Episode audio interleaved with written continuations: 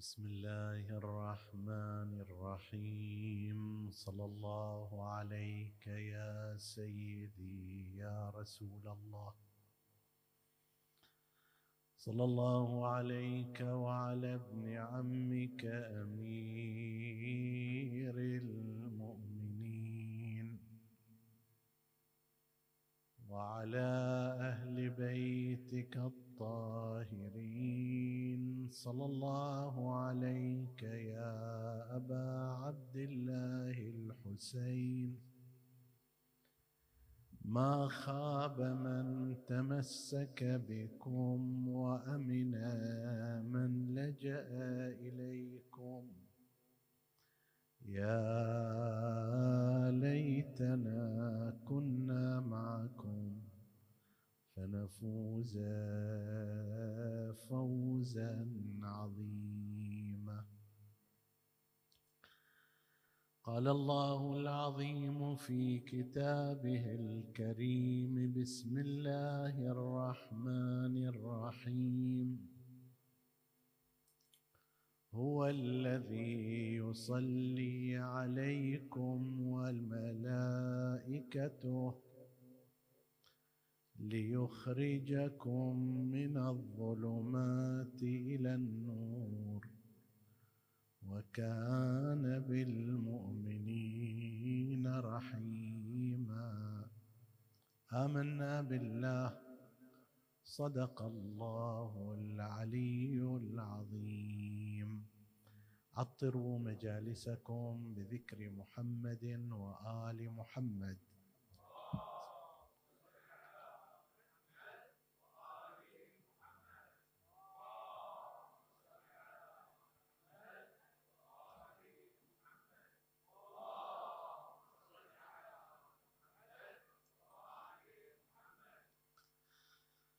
حديثنا بإذن الله تعالى يتناول الإجابة على هذا السؤال هل هناك يد للغيب في المرجعية الدينية الشيعية أو لا؟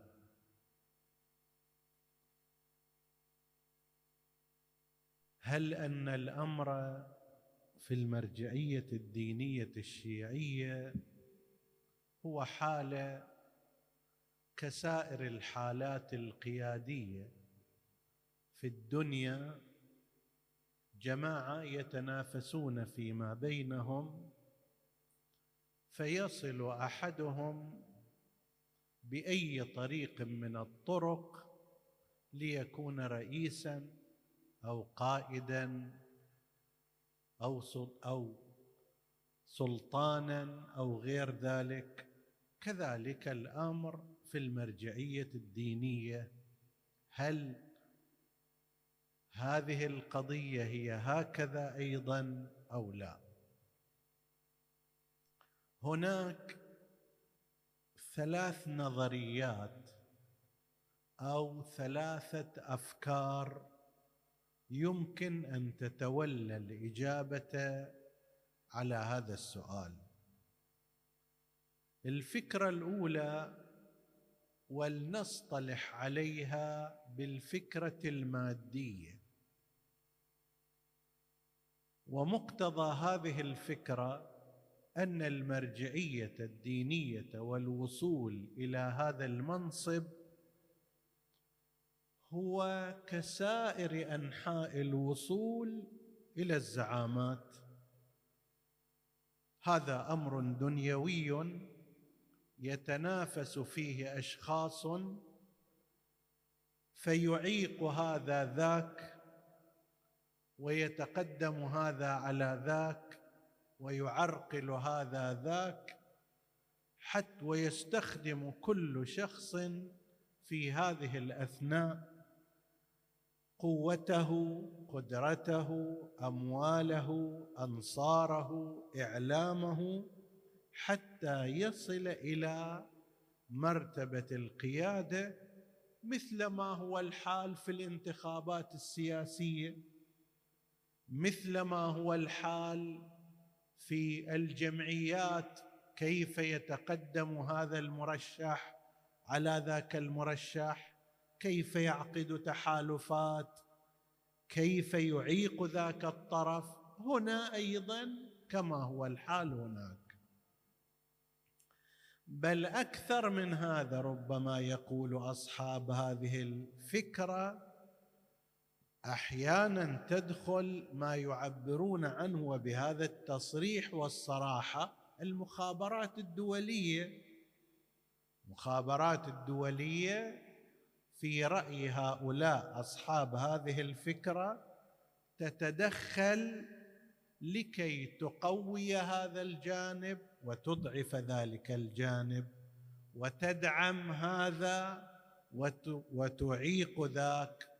وبالتالي فإن الوصول إلى منصب المرجعية الدينية في رأي هؤلاء هو كأي وصول سياسي أو انتخاباتي أو غير ذلك ولا يوجد فيه محرمات. المهم أن يصل الإنسان إلى ذلك المكان. هذه الفكرة لا ريب أنها غريبة جدا فإما هي لا تعرف الوضع المرجعي الشيعي أو لا تعرف المجتمع الشيعي. هي مسكونة غالبا مع أنه تتردد عند قسم من الأشخاص هي مسكونة بفكرة أخرى وهي أن الكون هذا كله إنما تديره المخابرات. أبو ناجي حسب تعبيرهم. أبو ناجي مخابرات البريطانية هذه الفئة هي اللي تدير العمليات وهي التي تقدم هذا وهي تؤخر ذاك وهي تدعم هذا. وهذا بالذات في المنطقة ذات النفوذ البريطاني يعني محيط العراق بشكل تحديد إيران منطقة الخليج عند قسم من هؤلاء فكرة بارزة وواضحة. وأنبه هنا إلى فكرة هي ترتبط بنحو من الارتباط وهي أن البريطانيين الإنجليز باستخدامهم الذكي للإعلام خلال عدة قرون كانوا فيها في هذه المنطقة أقنعوا الناس بأن بريطانيا هي كانت عظمى وباقيه عظمى وستبقى أيضا إلى يوم القيامة عظمى وأنها مسيطرة على كل شيء لو أن ثورين اشتبكا في صحراء السماوة فهذا إنما هو بسبب مخابرات البريطانية. ولو أن فحلين في صحراء لورستان في إيران اعتركا على ناقة فإن ذلك إنما هو بتحريك الإنجليز. وللأسف حول البريطانيون أنفسهم عند قسم من الناس إلى آلهة تتصرف في كل شيء. عند قسم من الناس إلى الآن الدنيا هي لعبة بيد هؤلاء. هم يحركون وهم يسكنون هم يسقطون وهم يقيمون. كل شيء بيدهم. طبعا هذا الأمر في بعض درجاته إذا يلتفت الإنسان إليه هو من أظهر أنحاء الشرك بالله عز وجل. لكن قسم من الناس لا يلتفتون إلى هذا. نعم هذه الدول لها قوة لها قدرة ولكن قدرتها الحقيقية وقوتها الحقيقية إنما هي في تصديقنا نحن. نحن صدقنا ان بيدهم كل شيء. المجتمعات المسلمة صدق بعضها أن هؤلاء إذا أرادوا شيئا لا بد أن يحصل وإذا رفضوا شيئا لا يمكن أن يحصل. قوتهم الحقيقية هي في هذه وإلا فقد دخلت الأمة في كثير من الأحيان في معارك عسكرية. هدموا البريطانيين في معارك سياسية هزموا البريطانيين بل بعضهم كما في الهند أناس مجردون حفاة وهم هزموها. وين نقطة القوة مالت هؤلاء والقدرة؟ هي في تصديقنا أنهم على كل شيء قديرون. ليش إحنا نشوف في القرآن الكريم دائما يأكد إن الله على كل شيء قدير؟ عند قسم من الناس؟ لا. عند قسم من الناس هذا المستعمر هو على كل شيء قدير. وهذا إذا التفت الإنسان إليه يخالف خلوص توحيده لله عز وجل. الآن تجي إلى مثل هؤلاء يقول لك نعم الزعامات الدينية بريطانية بريطانيا هي اللي جابتها.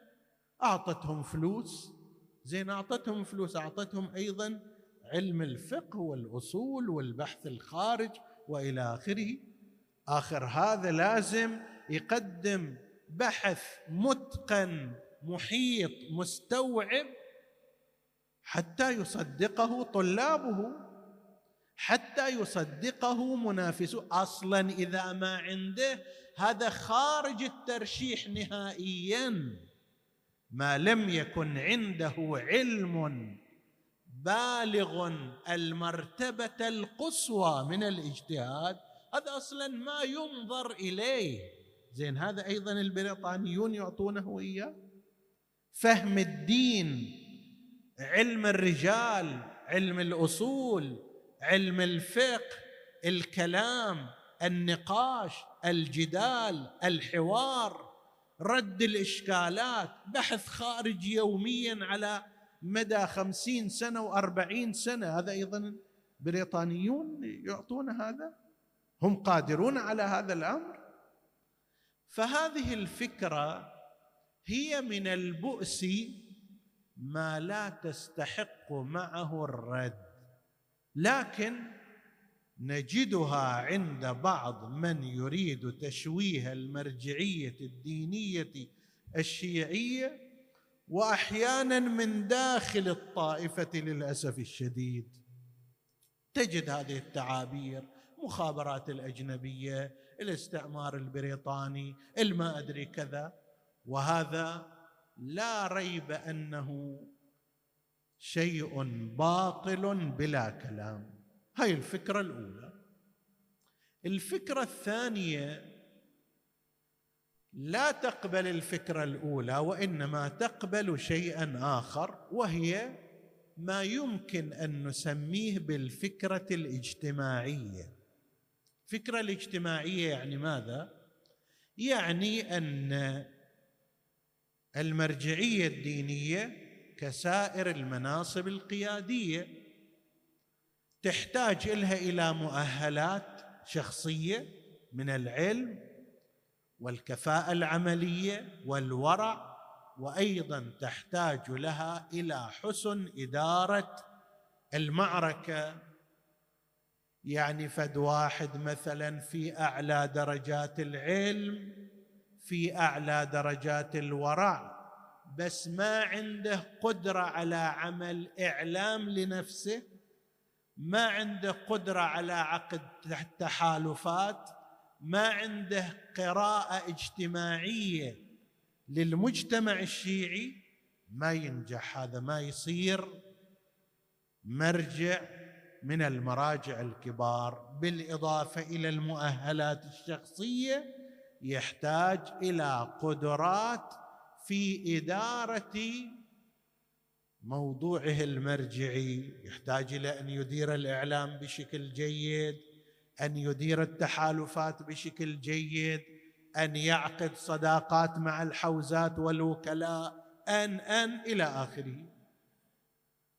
هذه الفكرة لا تقبل فكرة أن هناك جهات أجنبية أو صراعات خالية من القيم والمبادئ أو اعتماد على المخابرات أو غير ذلك وإنما تقول بالإضافة إلى أمر الكفاءات الشخصية اللي عند الإنسان يحتاج إلى طريقة إدارة لصعوده على سدة المرجعية. يحتاج إلى أن يكون فاهما كما يقولون من أين تؤكل الكتف. لكن هذه لا تحتاج إلى موضوع غيبي لا ربط لها بأمر الغيب. لا ربط لها بالأمر الغيبي ما مربوطة بتوفيق الله عز وجل بتدخله ما مربوطة بأمر الإمام المهدي وإنما هي ضمن الحالات الاجتماعية. هذه الفكرة فيها جانب صحيح وفيها جانب نقص. جانب الصحيح ماله هو أن المرجعية الدينية تحتاج إلى مؤهلات شخصية عالية المستوى أن يعرف المرشح للمرجعية بالعلم وبالنظرات الاجتهادية وبالقدرة على الاستنباط في مرتبته العالية وأن يكون في الحوزات العلمية وأن وأن إلى آخره. لكن فيها جهة ناقص وهي جهة الغيب هل هناك يد للغيب في هذا الموقع والمنصب أو لا توجد؟ وهذا الجانب ما تتكفل به النظرية الثالثة أو الفكرة الثالثة والتي تؤمن بمدخلية الغيب في أمر المرجعية الدينية. الفكرة الثالثة تقول نعم المرجعية الدينية تحتاج إلى كل هالمؤهلات لكن هناك لبنة أخيرة أساسية ما يوصل البناء إلى كماله والمرجعية الدينية إلى موقعها إلا بعد أن تكون يد التوفيق الغيبي ويد المدد الإلهي من قائم آل محمد.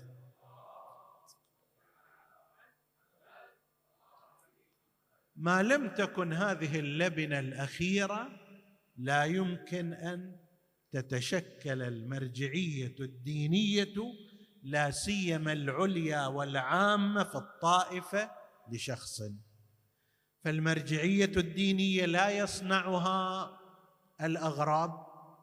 لا لا تصنعها القوى الكبرى لا تؤثر فيها الأموال وما شابه ذلك وإنما هي معتمدة على مؤهلات شخصية عالية زائد توفيق ومدد إلهي. هذه الفكرة الثالثة. من وين تقولون هذا الكلام؟ أصحاب النظرية الثالثة نسألهم من أين لكم هذا الكلام؟ يقولون. الله سبحانه وتعالى في آيات كثيرة ومنها الآية التي ذكرناها أول المجلس هو الذي يصلي عليكم وملائكته ليخرجكم من الظلمات إلى النور وكان بالمؤمنين رحيما. الله سبحانه وتعالى من جملة نعمه على البشر أن جعل لهم طرق الوصول إليه سالكة وأعانهم عليها. مو بس وضحها وقال ترى هذا الطريق عدل وذاك الطريق مو عدل. مو فقط شك شق شارعين. لا قال وهديناه النجدين. وفوق هذا أيضا أرسل أنبياءه وواتر رسله وكان خاتمهم سيد الأنبياء محمد.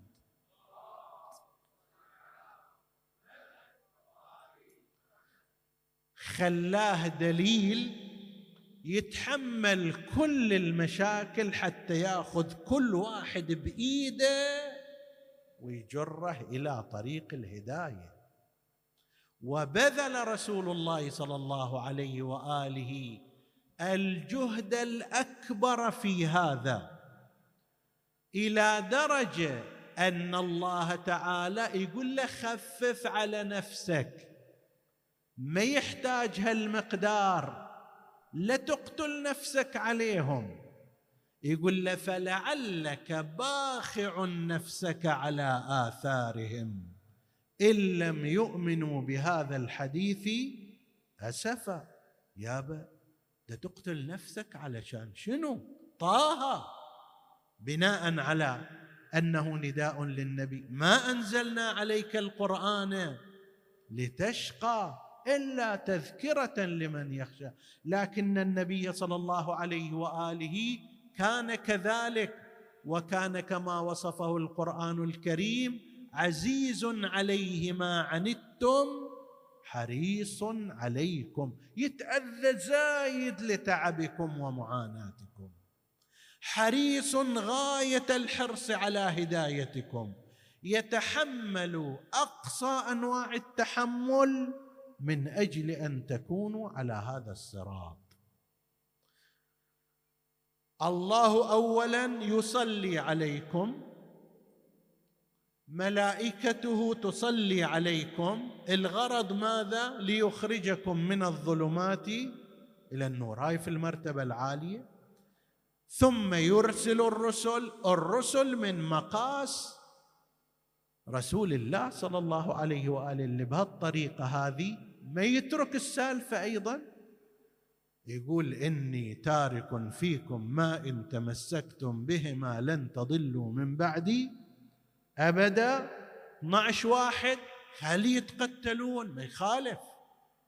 خلي يسجنون؟ ما يخالف. خلي يؤذون؟ ما يخالف. من أجل هداية الناس وإنقاذهم وإيصالهم إلى طريق الله عز وجل. زين هذا اللي يسوي هالشكل. آخر الأمر قيادة المسلمين كلهم. اللي يمكن أن يأتمروا بأمر رجل واحد يقول لهم ما لي شغل فيهم قلعة تقلعهم بالجهنم. هذا ما ما تنسجم تلك المقدمات مع هذه النتيجة. ما يمكن أن الله سبحانه وتعالى الذي صنع ذاك في البداية بعد ما تصير الأمة مئات الأضعاف عما كانت. يعني الآن لو تحسب الأمة الإسلامية بالقياس إلى زمان الإمام الحجه عجل الله تعالى فرجه الشريف. عشرات الأضعاف وربما مئات الأضعاف من حيث العدد. ذاك الوقت كان لازم يدز لهم النبي ويرسل لهم ويعين لهم الأوصياء ويتحملون. ما يتحملون؟ أما إذا صاروا عشرة أضعاف ذاك العدد مئة ضعف ذاك العدد يهملهم ويتركهم وما عليه منهم. هذا شيء غير معقول ابدا.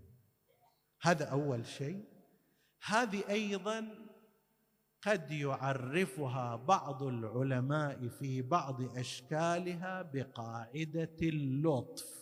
في علم الكلام أن الله سبحانه وتعالى للطفه بعباده فقد قرب إليهم ما يوجههم إلى الحق وأبعدهم عما يوصلهم إلى الباطل. زين هذا بس في زمان النبي؟ ذولاك كان على راسهم ريشة؟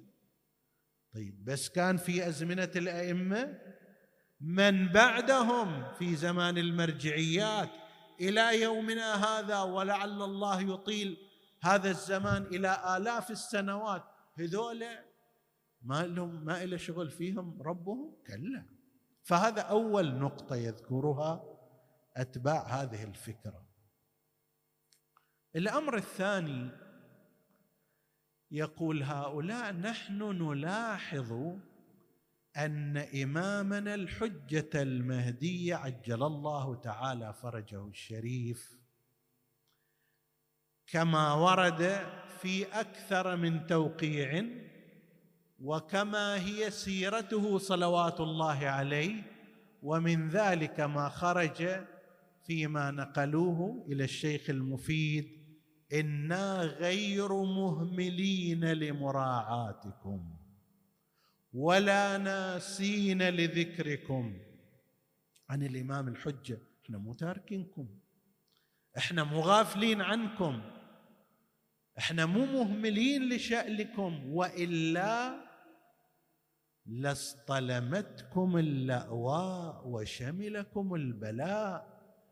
انت يا من تتبع آل محمد صلوات الله عليهم لو تعلم حجم المؤامرات والمكائد التي تحاك ضدك وضد منهجك مجرد تصورها انت تتحير. زين هذا من الذي يدفع إن الله يدافع عن الذين آمنوا؟ من الذي يراقب ذلك ويدفع بطرقه الخاصة؟ نحن نعتقد أن الإمام الحجة عجل الله تعالى فرجه الشريف له الدور الأكبر في الدفع عن المؤمنين وفي حماية هذه الطائفة وهذه هو مسؤول عنها هو قائدها الحقيقي. نعم هو غائب. الله سبحانه وتعالى غائب. هل غياب الله؟ هل عدم رؤيتنا لله؟ هل كونه غيبا يمنع من تصرفه سبحانه وتعالى في خلقه؟ الغيبه والغياب والغيب لا يمنع من تصرف ذلك سواء كان خالقا أو حتى مخلوقا. مثال كلش مثال بسيط ما يحتاج تروح إلى عالم الغيب الديني الآن كثير من الدول من الذي يديرها؟ يقولون المخابرات. المخابرات شنو هي؟ حالة من الغيب والسرية والخفاء. أنت لا تعرف هذا ولا تعرف ذاك ويشتغلون كله في هذا الأمر. ما يسمونه بالدولة العميقة في بعض الأماكن أو الدولة الخفية. وين هاي الدولة الخفية؟ أعطوني صورتها خليني أشمها ألمسها. لا ماكو. حالة غيب. هذا في الأمر البشري. فما ظنك في الأمر غير البشري؟ يقول أصحاب هذه الفكرة أن الإمام الحجة عجل الله تعالى فرجه الشريف وهو القائد الحقيقي للأمة وخصوصا لأتباع منهج آبائه. لا يمكن أن يتركها هكذا. زين إذا ما يترك شيعة في بعض الأمور البسيطة سوف يتركها في أهم أمر وهو القيادة العامة لها وفي أمر الدين. في أن يعبدوا الله بشكل صحيح أو شكل خطأ يتركوها في هذا.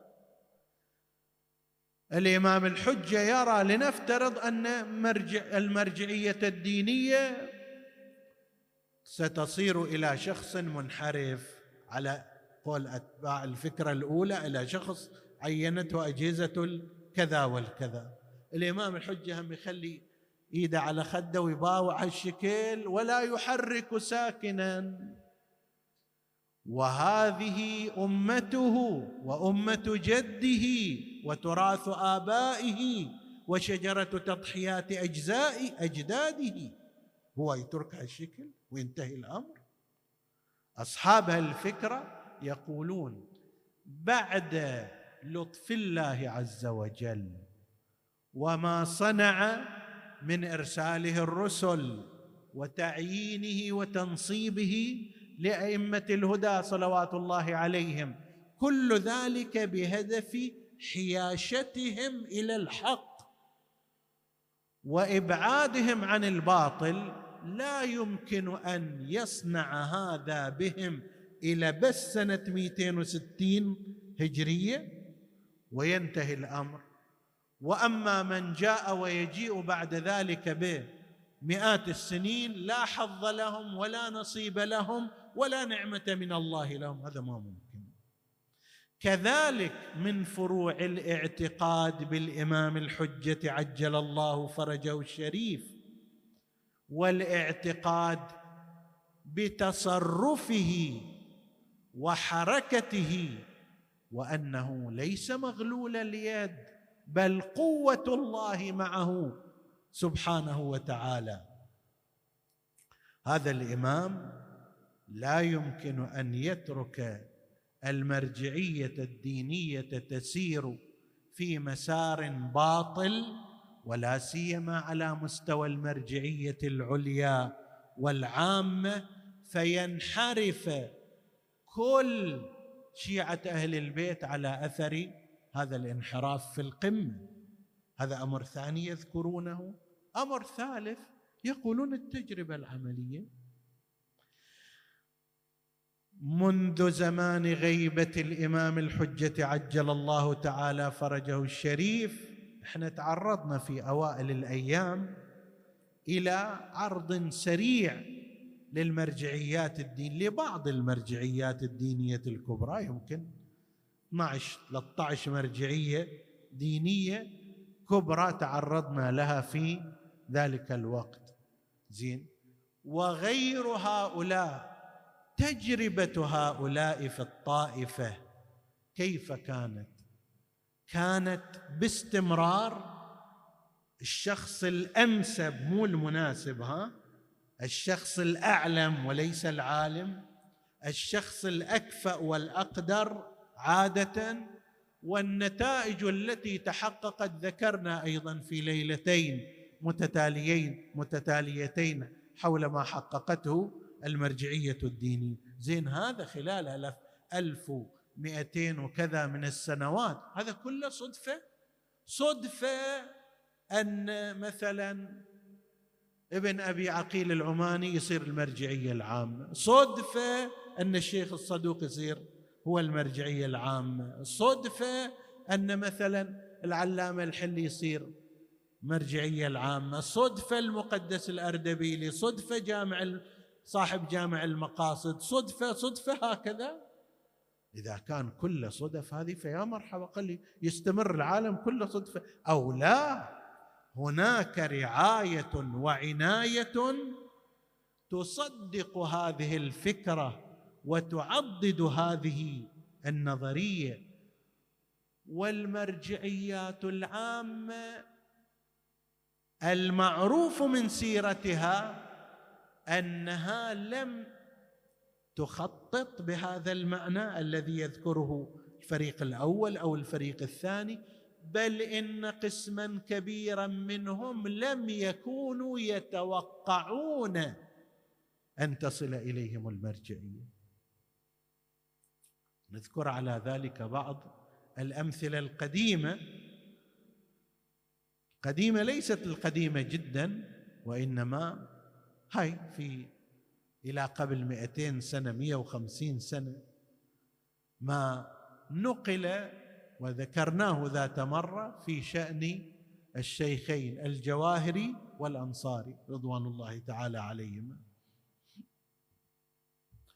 تلامذة الشيخ صاحب الجواهر ما كان أحد منهم يتوقع أن يعين أو يشير الشيخ الجواهري إلى الشيخ مرتضى الأنصاري لأنه ليس من تلامذته وحسب تعبيرنا ليس من جماعته وما كان يشتغل على هذا الأساس.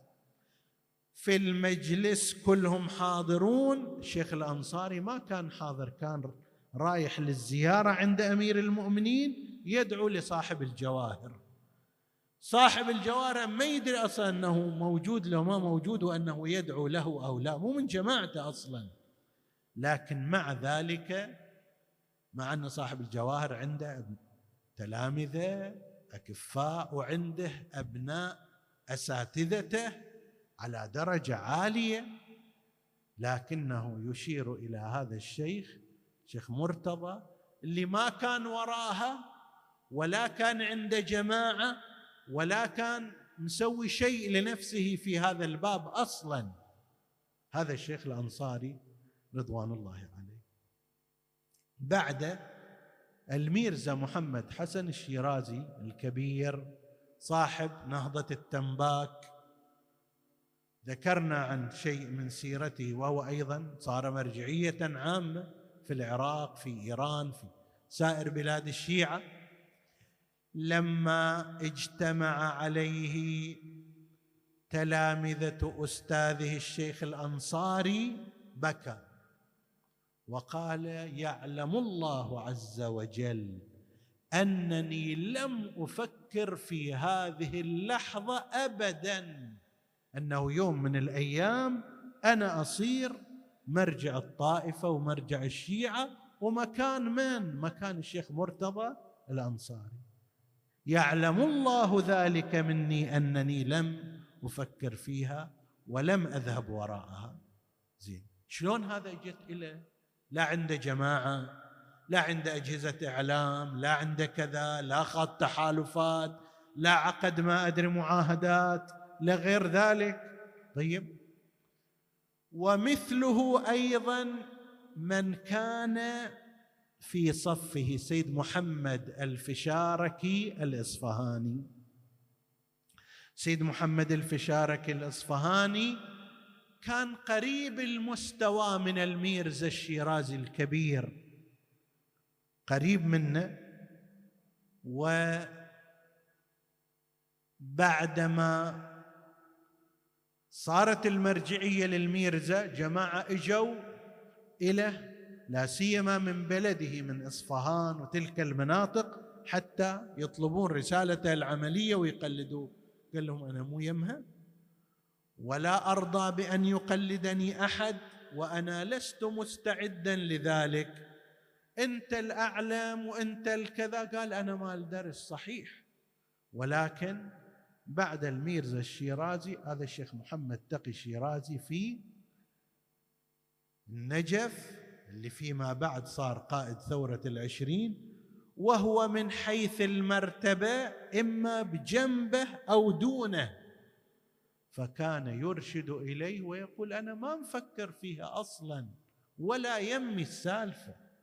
نقلنا أيضا فيما يرتبط بالسيد البروجردي مع السيد أبو الحسن الإصفهاني رضوان الله تعالى عليهما وهما أبناء حلقة واحدة درسية. كلاهما تلامذة الاخند الخراساني رضوان الله تعالى عليهم.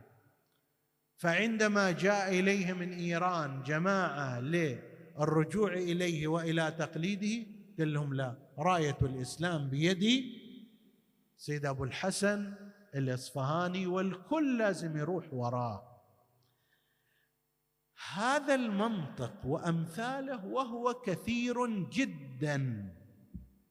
حتى المرجعيات المعاصرة يعني في أطرافها وفي صفها البعض إما بنفس المستوى أو دون ذلك دوين ذلك بقليل. لكن تشوفه ما يخطو هذا ويشير إلى غيره. هذه العملية من أن منطق أن هناك تآمر من قبل هذا على ذاك وتحالف بين هذا وبين ذاك. أنا أعيزه إلى أن قسما من الناس لما عاشوا الحياة السياسية المعاصرة وشافوا كيف في الانتخابات تصير وكيف هذا مثلا يعطون اليابة تعال أيد قائمتنا راح نخلي من عندكم وزير. تحالف. ويا هذاك ترى راح نعطيكم كذا ويا هذا. طيب يضرب جو الحزام هالفئة وهالفريق لما قسم من الناس عاشوا هذه الحالات السياسية ولم يكونوا قادرين على فهم ماذا يعني أن واحد ثلاثين سنة نقلنا عن الآخند في ليلة مضت. ثلاثين سنة يقول أنا الإدام مالي حرارة الخبز. هذا أي منطق عنده يجي يسوي هذا يصبر ثلاثين سنة على هذا؟ سيد الحكيم رضوان الله تعالى عليه كما نقل عنه بعض أبنائه يقول إحنا في أيام شباب والدي السيد الحكيم أكلنا المعتاد هكذا. الظهر باقلة الليل مية الباقلة هذاك. وهذا مو يوم ولا يومين هذا هو الشيء التقليدي المعتاد إلنا في كل زين هذا يعيش كل حياته بهذه الطريقة. لماذا؟ ثلاثين سنة وأربعين سنة وخمسين سنة. هذا علشان يدخل في تحالف من شي يصبر على هذا الأمر؟ أمثال هؤلاء إنما يصبرهم على مثل هذه الحياة الصعبة إيمانهم بأن هذا المنهج الذي جاهد من أجله الأنبياء والأئمة المعصومون يستحق هذا هذا العناء ويستحق هذا الصبر ويستحق هذا الكذا. وبعضهم أيضا ما يوصل إلى المرجعية بس هو مع ذلك مرتاح إلى وضعه. المرحوم المولى صالح المازندراني رضوان الله تعالى عليه شارح كتاب الكافي شرح أصول الكافي من أفضل الشروح يعتبر لكتاب الكافي للكليني. يقول أنا حجة على كل طلاب العلم في الدنيا لما كان عندي ما يمكن أحد يصير مثلي أنا. ليش؟ قال أنا اولا بدأت في طلب العلم متاخرا جدا عمري ثلاثين سنة استوني أقرأ ألف ب ت ث. ثلاثين سنة. قبل كنت أشتغل هالشكل عادي. فأنا بادي جدا متأخر في تعلم الألف باء. نادرا تشوف طالب علم الآن إلى ثلاثين سنة ما متعلم الألف باء. فيقول إذا واحد يقول أنا متأخر لو ما عندي استيعاب لو ما أحفظ أقول له أنا عمري ثلاثين سنة يا الله حفظت حروف الألف باء. هذا من هالجهة. اثنين يقول أنا كنت فقير إلى الدرجة اللي أنا كنت ساكن في مكان في مدرسة الليل ما عندي قيمة سراج. هذه شوية نفط لو زيت أخلي في هذا ما عندي فلوس. إذا أخلي فيه زيت ما أقدر آكل خبز النهار. فأنا أحتاج إلى أن آكل فكنت فقير إلى هالدرجة. زين النهار أنا أدرس الليل شو أسوي؟ يقول كنت حاشا من يسمع كنت أروح أكو شعلة مصباح من هذه المصابيح تكرمون عند بيت الخلاء في المدرسة. ماكو إضاءة في كل مكان. فكان هذا يخلوه عند بيت الخلاء وهذا حتى لا واحد يجي ويوقع هناك فيقول أنا كنت أروح هناك واقفا على قدمي وأقعد أطالع ساعتين ثلاث ساعات أربع ساعات ويا ما واحد اجى يحتاج الحمام أروح ذاك الصوب. خلص من عنده أجي إليه. طيب ما عندي فلوس. النهار أيضا بالنسبة لنا الطعام الأصلي كان الخبز وإذا نحصل شوية زيت. أي زيت للتهبيه هذا بعد. زين أنا أسأل هذا مثلا بعد ثلاثين سنة خمسة وعشرين سنة يصبر على مثل هذا الأمر على أساس أن المخابرات البريطانية مثلا قاعدة تجهزه إلى المرجعية؟ أو على أساس يدخل في تحالف سياسي مع زيد وعامر مثل هؤلاء الذين يتكلمون. حقيقه هم غرباء عن عالم الحوزات العلمية وعن عالم العلماء وجهودهم وعن عالم التشيع. أنت كواحد مؤمن لو تحتمل واحد في المئة واحد في المئة أن فلان مرجع عند ارتباط بدولة من هذه الدول. ما تروح وراه ولا تقلده لو بذلوا لك الدنيا بجماتها. والمرجعية الدينية عندنا في التشيع اختيارية يعني مو مثل بعض الأماكن خلص هذا عينته الدولة مفتي الديار ولازم الكل يتبع. له أنا لو كل البشر اجتمعوا على واحد وأنا ما عندي قناعة فيه أقدر ما أقلده؟ ما حد يجبرني على ذلك. فهؤلاء اللي يتحدثون في هذا الاتجاه لا سيما أصحاب النظرية الأولى حقيقة لا يفهمون عالم العلماء لأنه لم يجربوه ولم يدخلوا فيه حتى يشوفوا المعاناة اللي تكلمنا عن بعضها في ليلة مضت وتستمر هذه وكم من العلماء الكثر الذين هم مئة في المئة مرشحون للمرجعية الدينية ككفاءة علمية وكفاءة عملية لكن لا يتقدم يكتفي بدرسه إلى آخر عمره. ولا يتقدم أصلا يرفض هذا. عندنا علماء في هذه الفترات يعني من خمسين سنة مؤهل للمرجعية رشحه تلامذته. أصروا عليه لكفاءته. لا أنا ناذر نفسي إلى تبليغ هذا المذهب إلى نشر هذه العلوم. مو يمها أصلا. طيب وذاك اللي يقول أنا والله لم يخطر على بالي أنني في هذا. وبعضهم يبكي. زين يبكي أنه شلون صارت علي أنا؟ إلى ان يقول له هذا واجب متعين عليك. هؤلاء يعرفون أن مسؤولية الدين والإسلام تستحق كل هذا الأمر.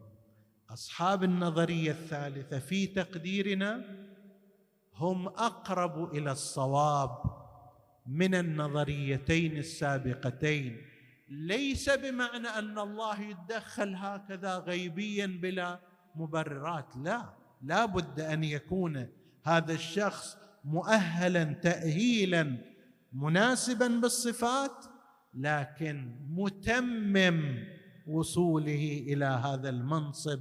ليس بعيدا عن توفيق الله عز وجل وعن مباركة صاحب العصر والزمان باعتباره أنه هو إمام هذه الطائفة. بل إمام المسلمين المعني بشؤونها والمراقب لها والذي يقول لولا إحنا نلاحظ أموركم لاصطلمتكم اللأواء وللبسكم البلاء وصارت أموركم على غير ذلك.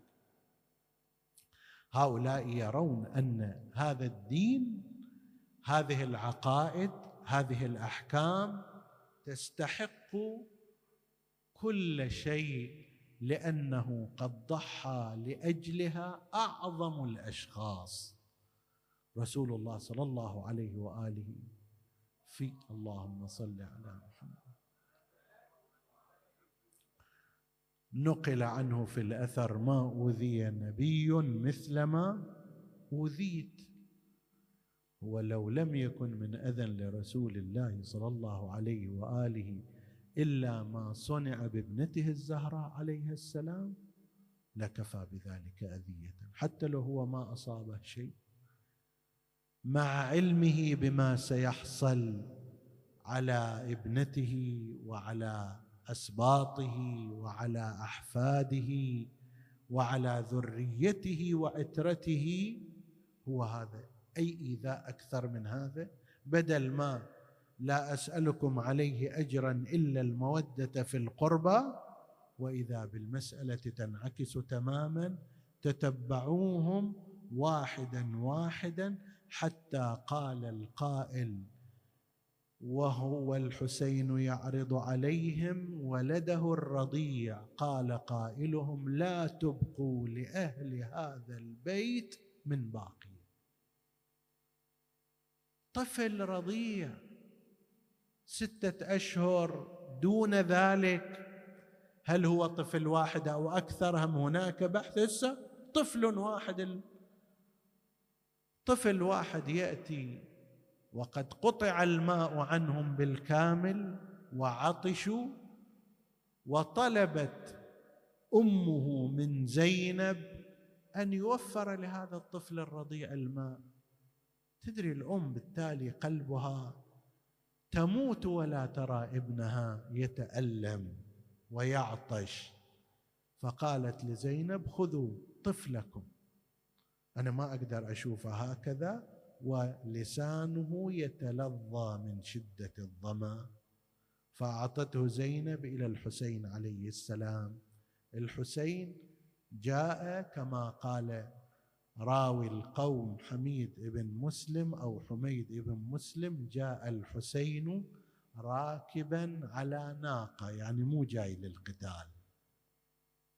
إذا للقتال يركب على فرس الآن جاي على ناقة يعني مو للقتال وقد أخفى تحت ردائه شيئا.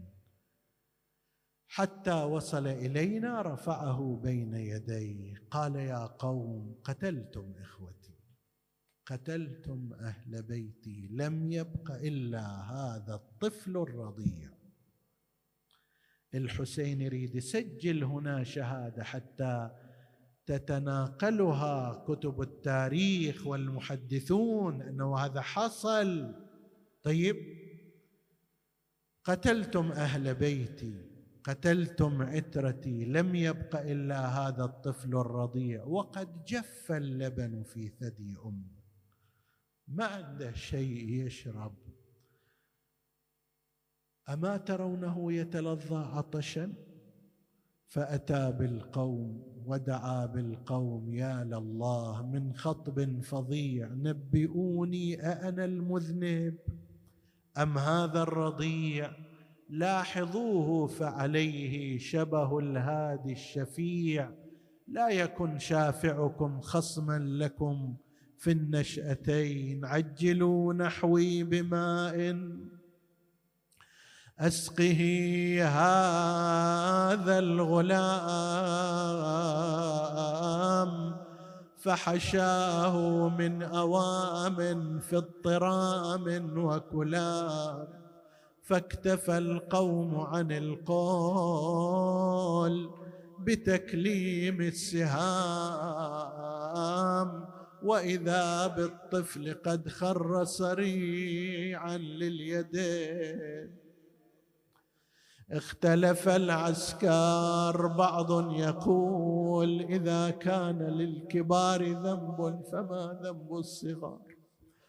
وبعض يقول لا تبقوا لهذا البيت من باقي. قال عمر بن سعد يا حرملة اقطع نزاع القوم. قال ما أصنع؟ أرمي الأب أم الإبن؟ قال ويحك أما ترى عنقه؟ كأنه إبريق فضة. سدد اللعين سهما ورمى به إلى عنق الطفل الرضيع. فذبح فذبحه من الأذن إلى الأذن. قال أرباب الخبر لما أحس عبد الله الرضيع بحرارة السهم أخرج يديه من القماط وشبك على والديه السلام على عبد الله الرضيع في الزيارة زيارة الناحية المدم الصريع المتشحط دما المصعد بدمه إلى السماء. لعن الله راميه حرملة بن كايل. أخذ الحسين دمه جمعه من تحت عنقه ورمى به إلى السماء. وقال اللهم لا يكون أهون عليك من فصيل ناقة صالح تلقى حسين دم الطفل بيده. آه يا بشحال اللي يجتلب حضنه وليه؟ آه سآل وترس جفة من وريد. آه وذب للسما وللقاع مأخر. أويلي من لفت سكنة تنادي. يا يا العطش هالمرة دفادي صديت لأن أخوها الطفل غادي. إلو لحرق رقبته ودمه يفور. تقول لي يا أبا الطفل عني دغطيه أنا مالي قلب يا حسين أصد لي واشوف ذبيح وماد رجليه أنا خفت العطش لن يلحق عليه هذا الخفت منه طحت بي. ومنعطف اهوى لتقبيل طفله. فقبل منه قبله السهم منحرا لقد ولدا في ساعة ووردا ومن قبله في نحره السهم كبرا نسألك اللهم وندعوك باسمك العظيم الأعظم. الأعز الأجل الأكرم يا الله. اغفر لنا ذنوبنا كفر عنا سيئاتنا. آمنا في أوطاننا لا تسلط علينا من لا يخافك ولا يرحمنا. ولا تفرق بيننا وبين محمد وآله طرفة عين. فضل اللهم إخواني السامعين فردا فردا واقض حوائجهم. اشف اللهم مرضاهم لا سيما المرضى المنظورين. ومن أوصانا بالدعاء. وفرج اللهم عن المكروبين فرجا عاجلا قريبا. في نهاية هذا المجلس المبارك حيث الليلة آخر المجالس أعادنا الله وإياكم على شهر رمضان. وأن ونحن وأنتم في خير وعافية وأمن وإيمان. إنه على كل شيء قدير.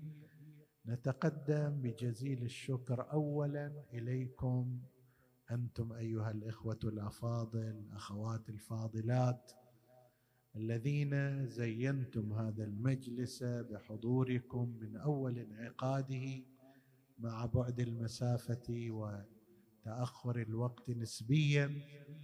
فجزاكم الله خير الجزاء وشكر الله سعيكم وكتب لكم أعظم الأجر وأحسن المثوبه كذلك أيضا نتقدم بجزيلة الشكر بجزيل الشكر إلى مؤسسة الإمام علي عليه السلام ومركز الارتباط بالإمام السيستاني.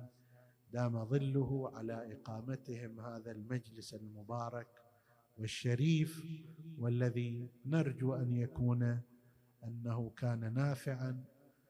وكذلك نشكر الإخوة القائمين على هذا المركز المبارك ديوان الكفيل الذين أتاحوا فرصة الاستفادة منه في هذه الليالي المتعددة.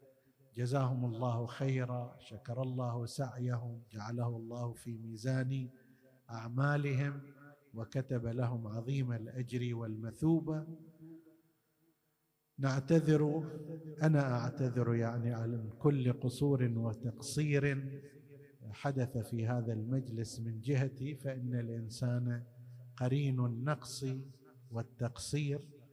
نسال الله سبحانه وتعالى أن يتجاوز عن تقصيرنا في ذلك وأن يعوضنا من كماله وحسنه ما هو أهل به وجدير.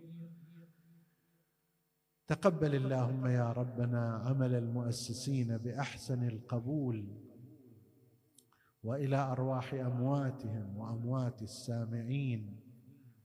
نهدي ثواب المباركة الفاتحة تسبقها الصلوات على محمد وآل محمد.